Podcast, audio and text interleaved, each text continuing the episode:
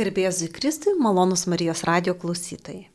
Su jumis iš studijos Vilniuje sveikinuosi aš, Regina Statkuvienė, ir šiandien studijoje turime ypatingą svečią. Net iš Kazahstano, tai misijos Kazahstane, Romos katalikų Almatos švenčiausios trybės viskupijos, Romos katalikų Žarkento Marijos kankinių karalienės parapijos kuniga, kuniga misionierių Kastyti Šulčių. Garbėjus Kristui, per amžių samin. Labai dėkoju kunigė, kad skiriat laiko, kad e, žinau, kad tikrai esat užimtas ir, ir, ir turi daug visokių reikalų. Bet labai, tiesą sakant, aš pirmą kartą gyvenime kalbuosiu su misionierium ir misionieriumi lietuviu. Tai gal gali trumpai papasakot, e, kada išvykote į Kazakstaną ir būtent kodėl į tą šalį, būtent kodėl Kazakstanas. Taip, čia tokia įdomi istorija. Šventoji dvasia veikia savaip. Ir e, iš tiesų buvo planų, kad e, vykti tokiam pastoraciniam darbui į Ispaniją. E, aš plius minus visą laiką dirbau su jaunimu.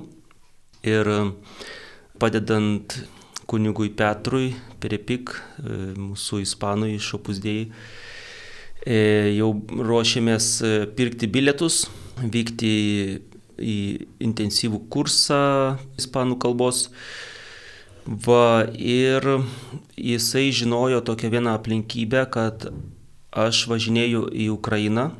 Iš tiesų, aš 2007 metais su bičiuliu vykome į Ukrainą mano paraginimu, nes jisai ten buvo krikštytas ir nežinojo, kokioj bažnyčioje yra krikštytas. Ir aš tada sakau jam, žinai, ten ateity tau bus santoka, visa kita ir tu nežinai, kokioj bažnyčioje, ar graikų katalikų, ar stačiatikių, ar Romos katalikų. Ir jo tėtis iš tenais kilęs, jo krikšto mama yra tėčio sesuo ir tėtis buvo nebuvęs 20 metų Ukrainui. Va ir tada aš įsimylėjau labai Ukrainą 2007, man priminė labai stipriai tą pirminę tą mūsų Lietuvą, nepriklausomybės Lietuvą, kai buvo toks atgimimas, kai buvo viskas taip um, gyva. Tai buvo Lvovo sritis ir iš tiesų mes susipažinom su graikų katalikų kunigais ir iki po šiandien dieną yra draugystė, aš 15 metų važinėjau, po to iš tiesų suradom, tas draugas buvo krikštytas toj uždraustoj tuo metu graikų katalikų bažnyčios vienuolio slaptai. Ir buvom prie jo kapo ir kitas klebonas tos parapijos išrašė tą liudijant krikšto mamai, gal krikšto tėčiui Va ir aš toliau važinėjau, pas jį šeima, vaikai, tai jis aišku yra užsiemęs, jisai, nu jau galimybės neleidžia, o aš toliau pratęsiau tą draugystę su Ukraina. Va ir tas kunigas Petras, kai aš grįžau po vieno tokio vizito į Ukrainą, jau reikėjo pirkti bilietus, sako, reikia pasikalbėti ir tada atvykus, sako, žinai, nu visų pirma, jis sako, kam tau važiuoti į Ispaniją, jeigu aš ispanas esu Lietuvoje, kam tau mokintis e, ispanų kalbą, jeigu tu moki rusų kalbą. Nu, jis ko gero matė, koks aš esu laimingas e, ten, kai grįžtu iš Ukrainos. Jis prisiminė, kad Almatos viskupijoje jis pažįsta vyskupą, e, Almatos viskupijos vyskupą, Jose Luis. Pradžia tokia buvo, kad jis tik tais metais ir tapo vyskupu, Almatos viskupijos antrojo vyskupu. Jisai ispanas, e, Jose Luis Mubila Siera, tai mūsų lietuviškai būtų Jozapas. Ir e, sako, ten žmonės meldžiasi, ten jau tris metus meldžiasi, kažkaip taip nuskambėjo, kad ten nėra kunigų. O iš tikrųjų tokia prieš istorija, kad kažkuriuo tai metu, turbūt prieš tos visus įvykius, mano krūtinėje degė kažkoks tai troškimas, kažkaip mane traukte traukė kažkokius tai rytus. Aš pats nesupratau, kas tai per traukimas, kur čia mane traukia. Ar tai Rusija, ar tai kas, kokius tos rytus. Ir va, ko gero, tai buvo atsakymas, kaip ir Dievo apvaizda ir šventoji dvasia suveikė. Tada aš nuėjau pas to metinį arkivyskupą Sigitą Tamkevičių ir sakau, aš norėčiau važiuoti į Kazakstaną. Tai jisai sako, aš dvigubai laiminu, kad į Kazakstaną negu į Ispaniją. Sako, aš buvau 2001 metais per popiežiaus Jono Paulius II vizitą Kazakstane, Astanoje. Ir taip išvykau 2012, reiškia Kauno arkiviskupija mane siuntė e, pastoraciniam darbui Almatos švenčiausios trybės viskupijoje ir atvykau į Kazakstaną sausio 18 2012 metais. Tada buvo žiema, ten nusileido lėktuvas į Almatą, e, iškrito labai daug sniego, O tarp kitko, aš apie tokią šalį nieko net ir nežinojau. Aš apstai, ko gero, net nežinau, kad egzistuoja tokia šalis. Gal, gal čia, nežinau, geografiniai mano tokie trūkumai. žinau, tai tiek, kad jaunimas pasižiūrėjo, panoterių parapijos jaunimas pasižiūrėjo Google Kazakstanas. Ir ten kažkas buvo tokio vertimas ar, ar paaiškinimas, kad kokią reikšmę turi šitas žodis Tai ten buvo kažkaip ištrūkęs į laisvę, pabėgęs į laisvę, toks kažkoks tai interpretacija ir tuo metu buvo, ten man jaunimas perskaitė, kad Google rašė, kad Kazakstane yra, nu tuo metu buvo 16 milijonų gyventojų ir 50 procentų musulmonai, 20 procentų buvo parašyta, kad yra stačiatikiai, 10 procentų protestantai ir apie katalikus net nebuvo paminėta. Nu, tai reiškia dar 20 procentų neaišku, kas gal dar ieškantis.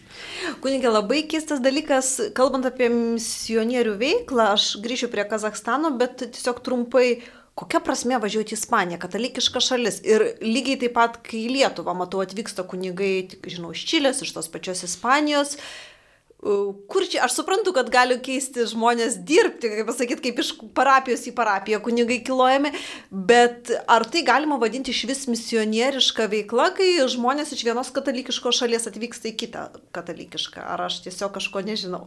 Tai tą viską atsakė kunigas Petras. Jisai, nu, tiesiog gal tokios patirties norėjau pas... Tai nebuvo ne kaip misijos, tai kažkokia tokia aktyvios tokios, nu, pasisemt patirties, kur gal nu, daugiau turi tos patirties tos šalis, nes mes pripažinkim, kad kai kuriuose srityse, tokiuose pastoracinėse mes kai kur at, nu, atsilikę buvom ir šlubavom, nu, tik tai vyjomės tos visos, kaip ten jau kitur buvo ta sistema įdirbta, tai tiesiog viską atsakė kunigas Petras, jis net taip lietuviškai, kauniškai pasakė, jis kaip kaunietis, kai sakė, koks aš buvau kvailas, žinai, kad norėjau tau padėti važiuoti į, į Ispaniją, žinai, kad kam, kam tu ten važiuoti, žinai, žmonės ten sako, Kazakstane vargsta ir nėra kunigų. Va, ir čia dabar pakalbėkime apie tas šalis. Aš supratau, reiškia, tos katalikiškos šalis tiesiog keičiasi praktika ir, ir tai yra tiesiog katalikų bendruomenės e, tam tikras judėjimas. Bet ta misionierių tarnystė, tai tikrai daugeliu stereotipiškai yra Afrika, šalis, kurios, ar, ar kitos šalis, kur nėra krikščionybės, ir Kazakstanas. Kaip jūs veikiat, kaip, kaip atrodo, ar tai yra maža krikščionių bendruomenė, ar ateina nauji žmonės galų gale, kaip juos evangelizuojat, tuos, kurie netiki, kaip juos pasiekėt? Tai iš tikrųjų norėčiau pabrėžti prieš istoriją, jeigu galima. Taip, taip. E, tai aišku, kas, aš nežinau, ar ten yra anglų kalba, bet kas rusų kalba skaito, tai kas domisi, tai tikrai iškart galiu nu, duoti nuorodą.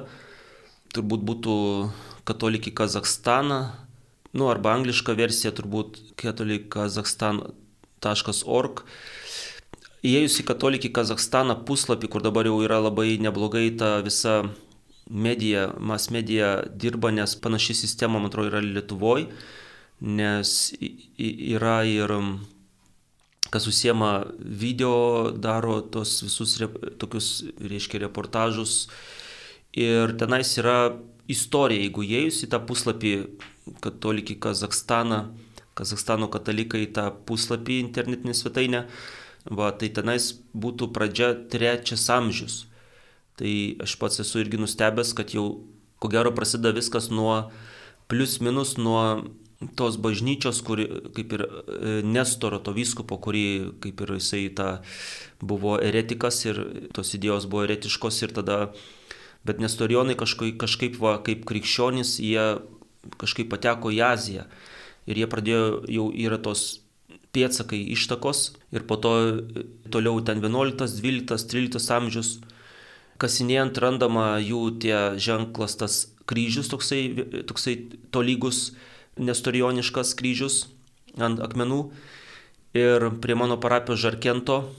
Žarkentas yra 300 km nuo Almatos prie Kinijos sienos, maždaug 50 km nuo Kinijos sienos Aišku, kažkada nebuvo tai suskirstytos tos teritoriniai administraciniai vienetai, buvo bendra tokia Azijos teritorija, tos stepės.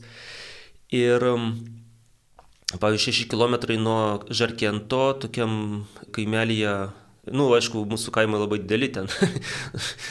Mano kitam kaime, kitoj parapijoje Sarezekė yra 12 tūkstančių gyventojų. Tai dideli. Tai Učeralė yra vienintelės, atrodo, kapinės 12-13 amžiaus krikščioniškos kapinės vyksta kasinėjimai.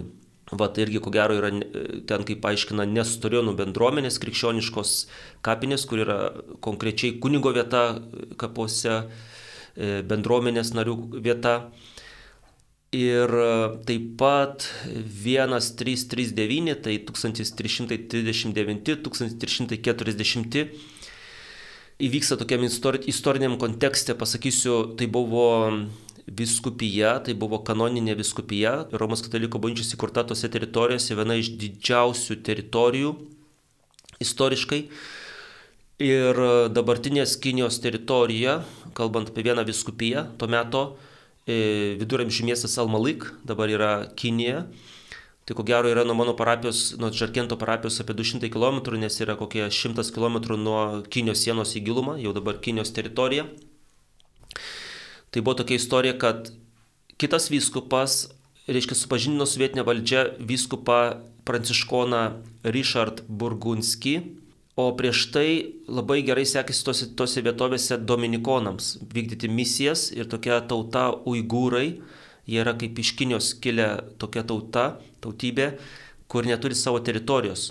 Ir dominikonai džiaugiasi tuo sėkmėm to misijų, kad uigūrai krikštiesi, jie netgi buvo išleidę tokį kodeks, reiškia, kaip e, žodynas ir pokalbiai, kad misionieriai galėtų susikalbėti uigūrų kalba. Ir jie netgi kreipėsi į popiežių, kad duokite mums misionierių, mums čia labai gerai sekasi. Tada popiežius e, siuntė pranciškonus. Va, ir Richard Burgunski supažino kitas viskupas su vietinė valdžia, kadangi tai buvo jau islamo ta tokia invazija. Apie kokią amžių mes čia kalbam maždaug? Tai aš kaip minėjau, tas įvyko po to kankinysė 1340. Tai ta 14, 14 amžius. Va, tai, o prieš tai jau dominikonai, tai, po to pranciškonai. Tai, tai reiškia iš senovės. Va, ir pristato vietiniai valdžiai tiem hanam, kur vykdomos buvo irgi diplomatinės misijos, kaip kažkuris iš vienuolių būdavo atsakingas už santykius tarp popiežiaus ir hanų perdavo laiškus, tą palaikytą tą draugystę. Ir um, pristato ten dar du broliai pranciškonai, vienas tretininkas ir pirklys. Tas pirklys buvo kaip vertėjas. Ir buvo pranciškonų vienuolynas tame viduramžio mieste Elmalaik. Ir um, svajojo, aišku, pastatyti katedrą. Atėjus nepalankiam Hanui, ne tai valdžiai, reiškia, sugriauna tą vienuolyną, nužudo tą vyskupą, tai yra istorinis faktas, Richard Burgunski, du tie pranciškonai, vienas žinau tikrai yra ispanas, yra istorijų apie jų tą gyvenimą, apie tos ypatumus, kas ten, ko, kuom jie buvo ypatingi, kokios ten stebuklai vyko. E, vieną tą tretininką ir pirklį, kuris greičiausiai, nu, kaip sako, buvo kaip vertėjas. Tai va, galbūt kiti ir atsisakė, na, net tos krikščionybės įsigando, Ir tada dar, dar istoriniais duomenimis yra, kad dar šimtą metų pranciškonai darbavosi tame misijų laukia. Ir aišku, po to ateina Hanų ta, ta aukso orda ir taip toliau ir taip toliau. Ir didelė pertrauka Kazakstane iki kokie 5-600 metų. Ir pavyzdžiui, mūsų Almata, mūsų viskupijoje anksčiau buvo miestas Goratvernai. Yra istoriniai faktai, kad buvo katalikų koplyčia 1905 metai ir dabar va, visai neseniai viskupas pasakė, kažkaip atėjo ta informacija, kurioj vietoj buvo. Tai tokioj tokioj sankryžai, tarp tokių tokių gatvių. Tai ko gero netgi nėra labai toli nuo dabartinės kūrijos. Kalmata buvo, buvo sostinė, tai ten buvo nunciatūra, buvo nuncijus. Tai va visai netoli, kur ir dabar mes ten iš, padaryta viskas iš gyvenamo namo, iš laiptinės, ten dar gal pora būtų liko, kad gyvena ne, ne, ne viskupijos atstovai. Va, tai vienu žodžiu, o Žarkente ir dar vienoje vietoj e, Kapal buvo irgi katalikiškos koplyčios ir va Žarkente tikrai žinom faktus. Pasakysiu kodėl. 1901 metai mergelės Marijos koplyčia katalikiška ir Kapal dar buvo. Tai buvo dar, man atrodo, matoj buvo Arkangelo Mykolo ir dar Kapal Rapolo, man atrodo, ar va, kažkas tokio. Ir tai buvo, žinot, kokia viskupija, tai buvo, tai buvo Mogiliovo viskupija, va šitie laikai 1901-1905 ir Taškento dekanatas. Tai milžiniški atstumai. Tai milžiniški atstumai. Ir aišku, carinės Rusijos va tas viskas išnaikinama. Ir po to, jeigu taip yra į datą pasakyti, tai jau 1995 metai, jau nepriklausomas Kazakstanas, pašventinamas, konsekruojamas vyskupas Marijonas Jan Pavelenga, jau šių laikų bažnyčios istorija, kur jisai tampa kaip Kazakstano, Tadžikistano, Uzbekistano, Kirgistano ir Turkmenistano e, vyskupu. Aišku, konkrečiai tai Kazakstane. Jisai Karagandoje ir tampa vyskupu kur jau mūsų lietuvis kunigas Albinas Dumbliauskas, jėzuitas, jau darbavosi misijose ir buvo gautas iš Maskvos, nu taip irgi stebuklingų būdų leidimas įkurti parapiją dar tais tarybiniais laikais ir pastatyti bažnyčią. Tik sakė, bažnyčią nestatykite, kad būtų stogas aukščiau negu gyvenamų namų stogas, kad vaikai nepamatytų iš mokyklos langų, kad ten stovi bažnyčia. Tai lietuviai gudrus, jie tą įkasė truputį įėjus ir dabar jeigu eitumė, tai keli laipteliai žemyn. Ir jeigu dabar klausytojo ar jums uždengtume akis ir nuvežtume kažkokiu stebuklingu būdu į tą bažnyčią, tai įėjus į vidų ir atidengus akis, tai jūs nesuprastumėt, kad jūs esate ne Lietuvoje, nes ten viskas lietuviška. Ir meistrai, man atrodo, buvo iš Lietuvos, ir vargonai iš Lietuvos, ir tie rubeliai, ir, ir adorantim, ir ministrantam. Ir tai iš tikrųjų buvo stebuklingi laikai, ten buvo, žinot, Karlagas buvo tas didžiausias, vienas iš didžiausių tinklų, lagerių tinklų. Ir tada katalikai išeidavo iš lagerio, net kunigai katalikai išeidavo iš lagerio, ieškodavo bendruomenės. Ir ten buvo labai daug vokiečių. Tai buvo tremtiniai iš Pavolgio, tremti dar 41 metais. Ir kita grupė Kazastane buvo 36 dar tremti iš Ukrainos E, Lenkai katalikai.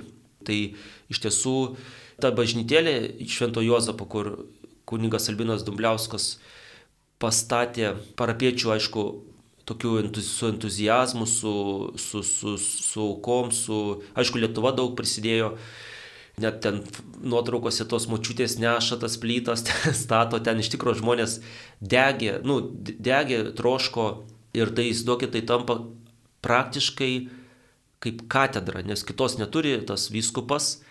Ir iš tiesų dabar yra ta bažnytėlė, turi titulą Mažoji bazilika. Vatikanas sutikė tai bažnytėlė, kadangi jos istorija yra labai, nu, įvertinta, kad tai buvo labai svarbus dalykai.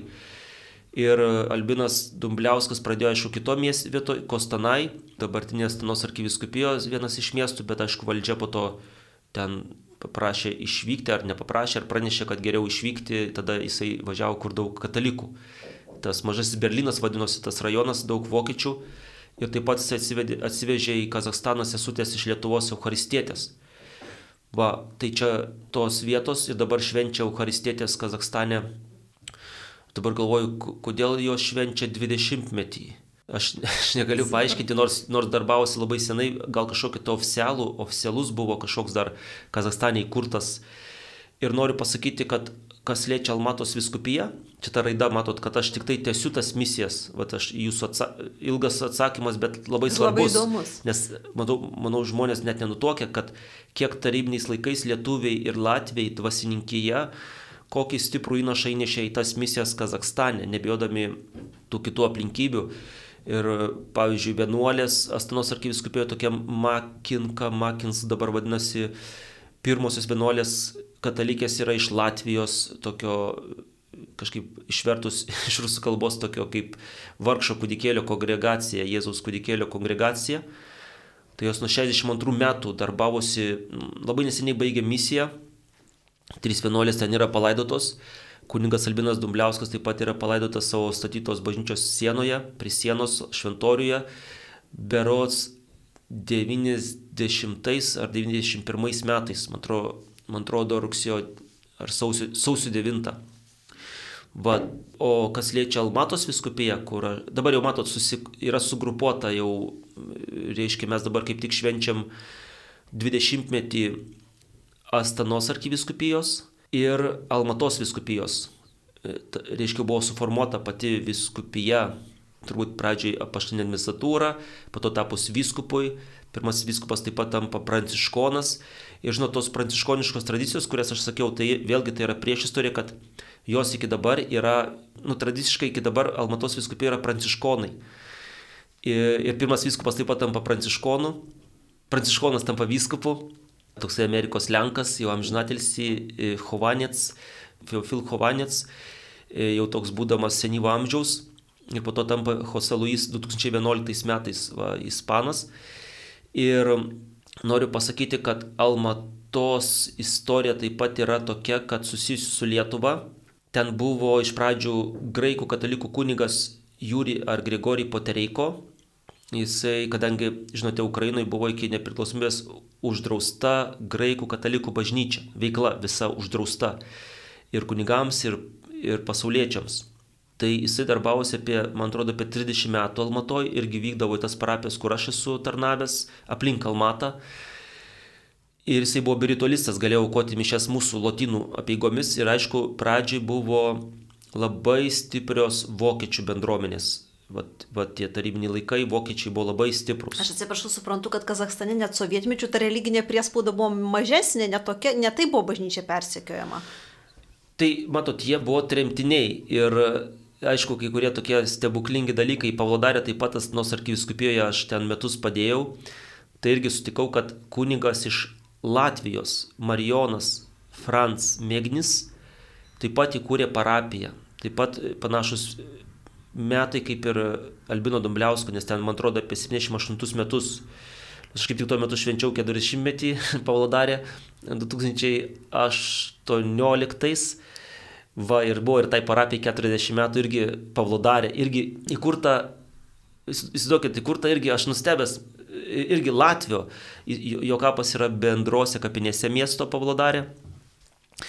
Va ir lieto, grįžtant į Almatą, 85 metais atvyksta lietuvis pranciškonas, kunigas Mykolas Marija Lietkauskas kur jau prieš tai darbavosi su, man atrodo, su Jurčiu, Sigitu Jurčiu, ar lytai dabar Benediktu, Tadžikistane, o Paulius Bytautas, kur yra Kretingoje, jis, jisai darbavosi Novosibirskė. Tai matot, lietuviai kažkaip tuo metu buvo labai aktyvus e, tarybiniais laikais. Ir 85 metais atvyksta Lietkauskas. Ir, ir taip pat ten buvo jau sesutės iš Kauno, reiškia, Jėzaus širdies tarnaitės va, ypatingai sesuo Danutė, Jonė, jinai gal buvo vyresnioji, kad jinai buvo iki pat galo, iki 93 metų, kai jos baigė misiją ir perdavė misiją Almatoje iš Slovakijos kilusi pranciškonių, mokyklinių pranciškonių kongregacijai. Perdoda 93-ais e, kunigas Mykolas Lietkauskas lydi Lietuvą. Jas sesutės nori grįžti, jisai planuoja grįžti atgal į Kazakstaną, į Almatą. Ir jiems čia sako Lietuvoje, kadangi suprantat, buvo nepriklausomybė jau. Ir jiems sako, tu čia reikalingas, tu jau negryši į Kazakstaną, čia Vilniui naujokinė tu reikalingas. Ir nu, noriu pasakyti, kad net Almatoj, kur aš esu didelę pradžią įnašą pėtsakus paliko lietuvių dvasininkija, ne? Bet kuniga labai keista, nes Lietuvoje vyksta katalikų bažnyčios kronikos leidėjų persekiojimai, o kartu vyksta misijos Kazakstane. Kaip čia buvo? Ar žiūrėjo tiesiog atlaidžiau, ar nekreipė dėmesio, kad ten daug tremtinių ir jie... Kaip čia buvo? Ar, ar tas, tie, tas komunizmas kitoks Kazakstane buvo? Vis tiek Tarybų sąjunga visur persekiojo. Ar, aišku, Lietuva vienintelė katalikiška valstybė, tai galbūt dėmesys buvo būtent tik Lietuvoje tiem katalikam toks represinis. Tai aš paminėčiau, kad gal čia atsakymas toks, kad lietuviai buvo labai uolus, ta prasme, kad tas, nu dabar jau aišku, mes dabar žinome, postsovietinės, dabar tada buvo sovietinės, kad ten reikia evangelizuoti, čia ir Fatimos tos Dievo motinos, ne, kad atsivertimas Rusijos ir, nes tiek buvo Tarybų sąjunga ir tos šalis ir dabar dar įtako, įtakotos Rusijos. Taip, taip. Ir, ir tas, atsiprašau, dar paminėsiu, kad tas toksai vienas iš tokių labai svarbių motyvų kunigas Petras jau čia vėliau, gal jau aš kai buvau Kazakstane, e, atsakant į tas visas klausimus represijų, tų tremčių, tų visų persikėjimų, sako, tai gerai, sako, čia, žinai, kaip čia sako, palaukit, Rusija okupavo, o mes dabar Rusiją evangelizuosim, kaip ten sakė, kažkaip, nu kažkas tokio, kad, ten, kad, kad net važiuoti į Kazakstaną, evangelizuoti į misijas, tai yra kaip ir vis dėlto iš dalies evangelizuoti Rusiją nes vis dėlto tos šalis labai takotos ir jeigu tu tenais, nu kažkaip gaunasi, kad vis tiek Veiki įtaka. Daro. O sakyt, kaip dabartinė Kazakstano valdžia iš tikrųjų, kaip su religijos laisvė, ar jinai yra užtikrinama, ar kažkokios religinės bendruomenės labiau remiamos, ar yra valstybinė religija, musulmonų minėjo daugiausia. Tai dabar e, daug klausimų yra išspręsta, nors Kazakstanas labai yra didelis ir kiekviena seniūnyje, kiekvienas kaimas gali turėti tokius kaip ir savo truputį įstatymus, nu, interpretuoja kitaip tą patį įstatymą. Bet man atvykus jau, jau buvo 2011 metais pakeistas, išleistas naujas e, religijos įstatymas, nors 98 metais Kazakstanas su Vatikanu pasirašė tą bendradarbiavimo sutartį, konkordatą, tą diplomatinį va šitą bendradarbiavimą 98 Romoje. Bet 2011 metais buvo išleistas pakoreguotas religijos įstatymas, man atrodo, susijęs su būtent islamo, musulmonų atstovais, kurie buvo proveržiai tokių kaip ir truputį teroristinių išpolių. Ir tada jie sumanė valdžia, kad reikia religinės bendruomenės kontroliuoti. Ir jeigu iki tol, iki 2011 metų galėjo mūsų pirmi katalikų kunigai, vienuoliai važiuoti per mokyklas, ten, pavyzdžiui, programa, ten e, šokių grupė vizit, ar ten dar kažkas, ar ten atvežti dovanų, krepšinį kamoliai, dar kažkas, tai ten futbolo visokios buvo organizuojamos tarp visokių kaimų, ar ten varžybos. Tai po to visa tai pasikeitė ir jokia religinė bendruomenė negali eiti į universitetus, į mokyklas, į ligoninės, į kalėjimus, į įkalinimo įstaigas. Jie... Ta prasme, netgi ligonio, mirštančio ligonio. Ne, ne, tai matot, privačiai, privačiai e, kartais kažkaip tai, aš žinau, kad Pavlodarė Kulebonas ten ėjo su vienuolėm į senelio namus, aplankyti vieną katalikę. Bet tai tiksliniai vizitai jau. Su komunė ir neįleido, ten nežinau, kom argumentavo. Jo, čia reikia labai gudrumo, aš pats esu papuolęs pas tą močiutę ir ten netgi, netgi prie lovos ir ant tos, tos stalelio paukau mišes. Matot, čia reikia būti labai, kaip Jėzus sakė, išmintingiems, ne misijose, kad, kad ten su valdžia nesusipykti ir taip toliau. Bet turiu omeny, kad galima pamokslauti ir skelbti savo tikėjimą, plus minus taip daugiau apibrėžė, kad toje teritorijoje, kur yra užregistruota, reiškia, viduj tvoros, kaip sakytume, viduj šventoriaus, ant šventoriaus ten gali evangelizuoti.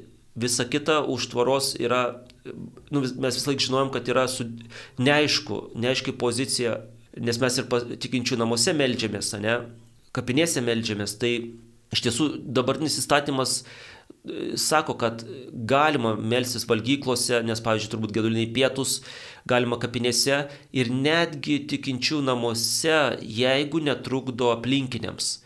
Va, tai reiškia, tas registravimas vyksta po truputį, mes registruojam parapijas ir šiuo metu netgi tik tai lapkričio mėnesį buvo užregistruota mano antra parapija, nors neegzistavo daugiau negu 20 metų, bet oficialiai mes užregistravom tik tai lapkričio mėnesį.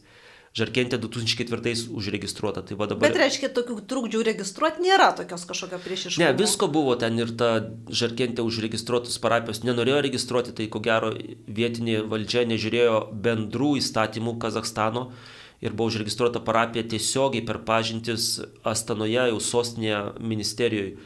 Tai žinot, čia, sakau, čia yra įvairių priemonių. Dabar, aišku, po antro popiežiaus vizito, nes 2001 buvo taip pat rugsėjai Jonas Paulius II Dabar rugsėjai praeitais metais buvo popiežius Pranciškus.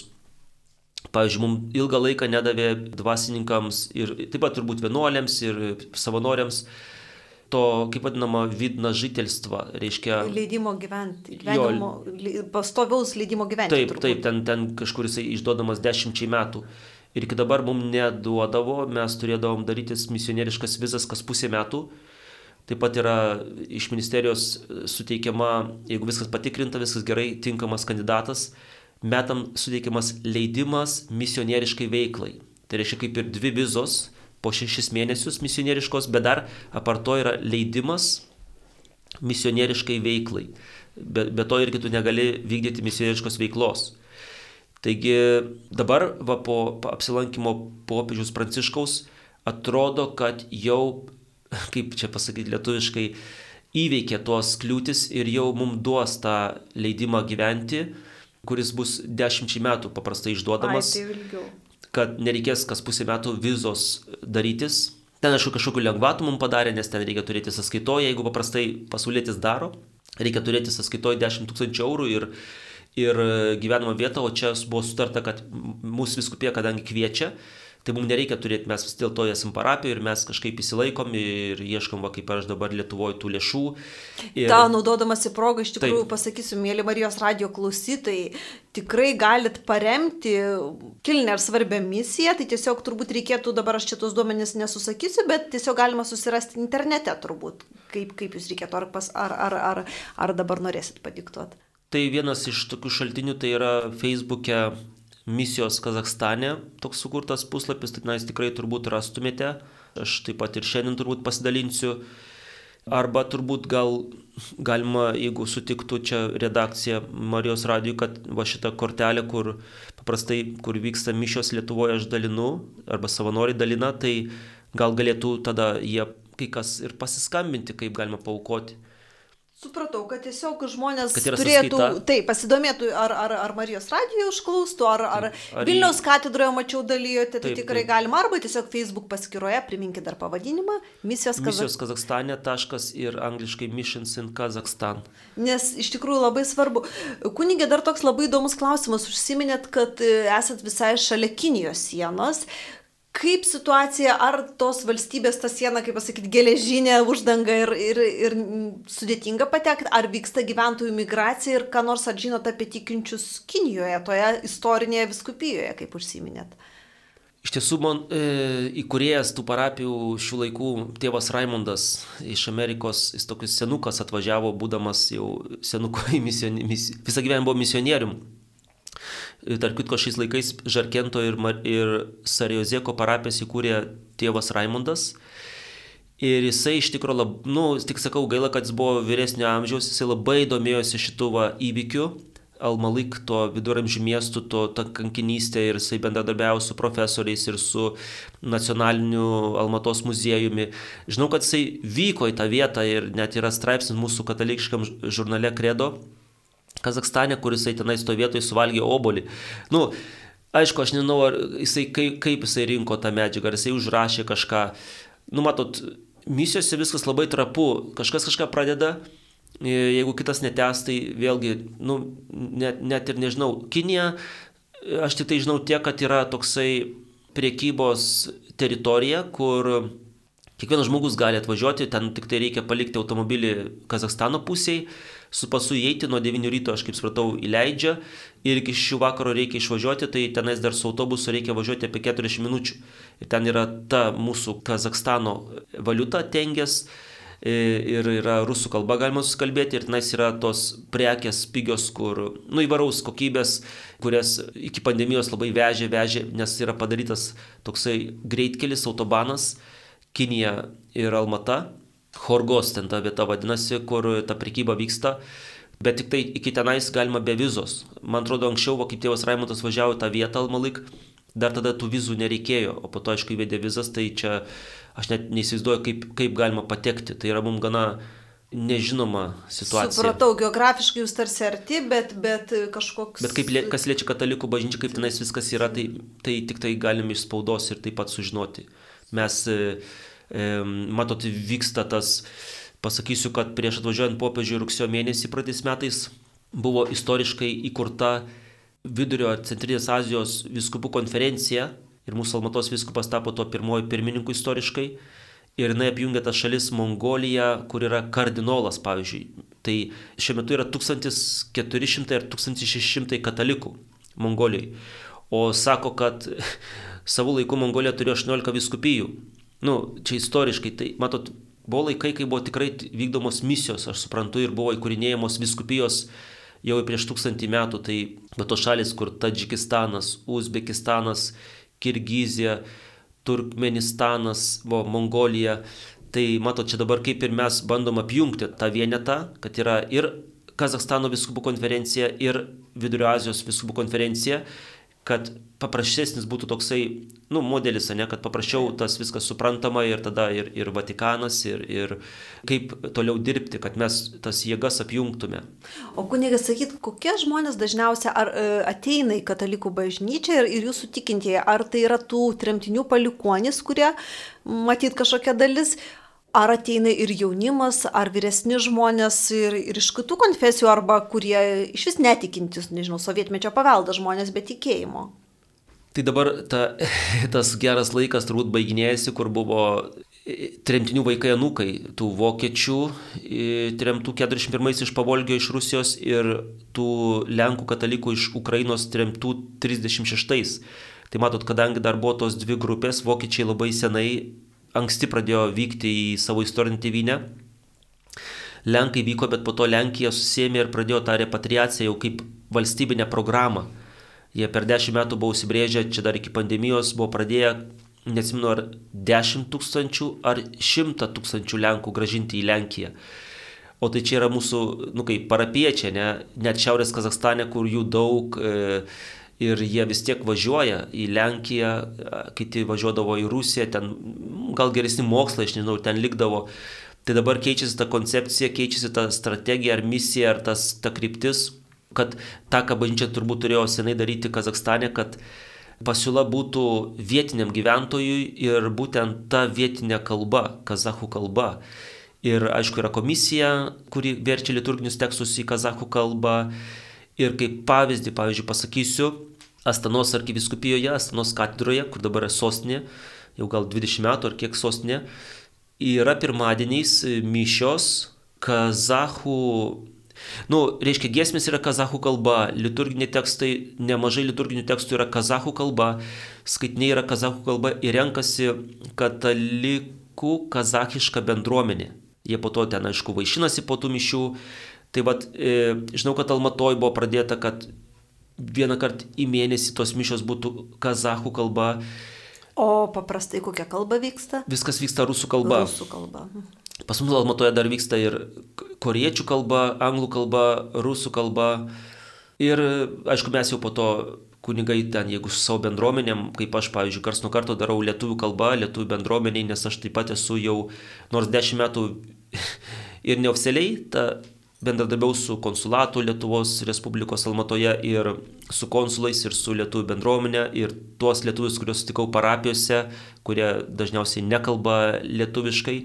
Tai aš, aišku, jų ne, ne kaip pasakyti, jais rūpinausi visą tą laiką, o dabar jau nuo praeitų metų, man atrodo, vasario esu ir turiu ir dekretą, esu paskirtas rūpintis lietuvių bendruomenė Almatos viskupijoje. Va, tai tiesiog... Tai esate ir lietuvių bendruomenės kapelionas savotiškas. Taip, taip, taip. Tai, iš tikrųjų, oficialiai esu kapelionas, kapelionas lietuvių bendruomenės Almatos viskupijoje.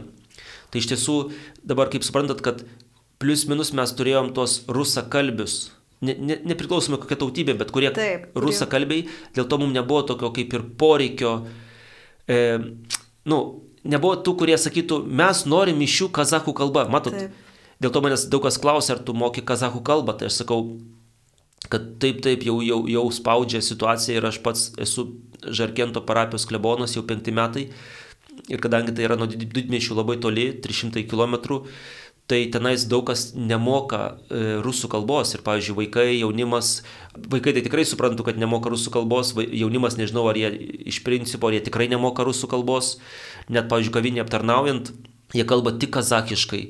Ar ten man kažkas atsitikus mašinai su ratu ar kažkur nuvažiavus į E, vėlgi aprūp, e, ta, ta, tos paslaugos teikiamos ir e, man teko būti ir, ir nei vieno žodžio rusiškai su manim nekalbėjo. Viską aš turėjau tik tai nebent kažkaip tai šventosios dvasios dėka suprasti, ką jie man sako. Bet jūs kalbate truputėlį tą būtinę kalbą ar esate? Ne, ne, ne, aš tik tai matau, kad jau, jau, jau reikia pradėti ir iš tiesų, kad iš tiesų, aš sakau, keičiasi koncepcija ir matosi, kad Lenkai tikrai vyksta į Lenkiją, nes padeda Lenkija, ta, vykdo tą repatriaciją, susigražinimą tų etninių Lenkų į Lenkiją. Ir tada, matot, mes turim būti labai atviri, sudaryti sąlygas vietiniam gyventojui, nežiūrint į tautybę, nes matot, vėlgi Kazakstane sako, kad yra 120 ar 130 tautybių. Suprantat, tai yra...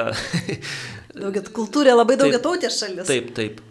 O kunigė lietuvių kalbant bendruomenė, ar jinai yra gausi ir ar kažkokios irgi vyksta programos, kad galbūt mūsų valstybė ar dar netaiko tokių programų susigražinti savo žmonės vis dėlto? Aš tik tai žinau, kad yra Karagandoje lietuvių bendruomenė, jinai gal net ir yra stipresnė ir gausesnė negu Almatoje, nes Almatoje daugiau ta bendruomenė susideda iš darbo reikalais atvykusių žmonių ir konsulato darbuotojų. Tai iš tiesų, tiesiog, kadangi daugelis iš jų yra katalikai, tai va, mes tada jiems yra galimybė kars nuo karto lietuviškai dalyvauti mišiuose, ar net kažkokie tai patarnavimai paprašo manęs patarnauti kaip kunigui. Tai nėra daug iš tikrųjų Almatos viskupijoje lietuvių, kurie ne darbo reikalais. Kurie būtų Galbūt, aš nežinau, dėl Karagandos, vat, e, kaip situacija, bet tik tiek, kad aišku, lietuviškų pavardžių yra Kazakstane ir Astanoje, net, net visai neseniai lietuvė sesuo vienuolė tapo. Ir aš neseniai kalbėjau su jos mama, kai buvo popiežius, kai buvo ten po to tos vaišės, kurios kemelėje, viskupijos prie katros kemelėje ir man parodė, kas yra mama tos vienuolės. Ir jeigu aš neklystu, mes su ta mama kalbėjom lietuviškai ir jinai pasakė iš kokio krašto, tavo netgi su lietuviška pavardė vienuolė, tap, tapo, mergina tapo su lietuviška pavardė vienuolė ir ten buvo straipsnis kredo, kai apie mamą, kažkaip mama kalba, kad jos dukra vienuolė. Ir buvo parašyta, kad tai, nu, lietuviška pavardė, tai aš nustebėjau, dabar netgi turiu turbūt kontaktus tos lietuvės, bet čia aišku jau Astana, čia už 1200 km. Tai atstumai. Kunigė, labai dėkoju už jūsų laiką. Labai Taip, gal dar svarbų pasakyti. dalyką norėtumėte labai, pasakyti. Labai svarbų dalyką noriu pasakyti, kad Lietuvoje yra brandinama idėja, nu, jinai turi subręsti kažkaip tai, kad yra renkama, nu, čia Dievo vaizdą turbūt renka, ar kaip e, tokia savanorių talkininkų komanda, nes man netgi atvykus vienas pirmas dalykas, kad aš neturiu pagalbininkų, tai dažniausiai mano mama ar ten mano sesuo dar padeda, ar tai viena savanorė iš Jos Kauno. Jos su jumis gyvena tenais išvykusios, ar ne, ne, tik atvažiuoja? Ne, ne, ne. Turiu omeny, kai aš atvykstu į Lietuvą, kai A. aš aukoju mišes ir ten, Taip. netgi padalinti tos paveiksliukus, ne, ten prie šeimo, ar, ar ten rinkti aukas, kažkokį krepšelį, kad, matot, nu, net nėra žmonių, net aš neturiu komandos, kad, nu, matot, nesuspėja vienas žmogus, jeigu išeidinė ten masė žmonių čia Lietuvoje ir tada nu, net ne, mes, nes, nu, kaip pasakyti. Skleisti tą žinią apie, apie taip, jūsų taip, veiklą ir, ir rinkti tam tikrą paramą. Tai, o kitas dalykas, tai man labai svarbi šita grupė, komanda, kad man nebūnant Lietuvoje, aš mažai būnu Lietuvoje, tik stengiuosi du kartus per metus lapritį, plius minus ir gegužė, ne? Tai va ta komanda, kad yra renkama, tai kviečiam, kviečiam pagalvoti, gal kas norėtų prisijungti. Tai aišku, yra ir socialiniai tinklai. Ir vėl jūs galima, ir tas galima surasti per Facebooką, teisingai. Taip, tas klaida. Ir antras dalykas, aišku, yra, kad kviečiame į Kazakstaną savanorius, ar tai net palsėti, ar tai pabendrauti, ar tai paslidinėti, o gal net ir pasaunoriauti ten nepriklausomai kokią laikotarpį, ar ten savaitę, ar ten mėnesį, ar ten daugiau, kad prisiliesti prie tų misijų ir po to, aišku, grįžus gal čia skleisti tą, tą idėją, kad tai va tokia pirmoji lėtai Lietuvoje tavo savanorių komanda labai reikalinga, kad mes galėtume tada palaikyti kontaktą, kad kas, kas susidomėtų, užsidegtų tą, tą veiklą. Aišku, tai, tai būtų ne turbūt žmogui kaip šalutinė veikla, ne kaip, kaip prie kažko tai veikla, bet labai reikalingi tie, kaip pavadinkime, misi, kaip čia, Kazakstano misijų savanoriai Lietuvoje. Supratau. Ačiū labai. Čia buvo kunigas iš iš Almatos, švenčiausios trybės viskupijos, iš, iš katalikų Žarkento Marijos kankinių karalienės parapijos, Kastytis Šulčius. Ačiū labai už jūsų laiką. Dėkui visiems. Ačiū labai. Sudėjau. Sudė, gražios dienos.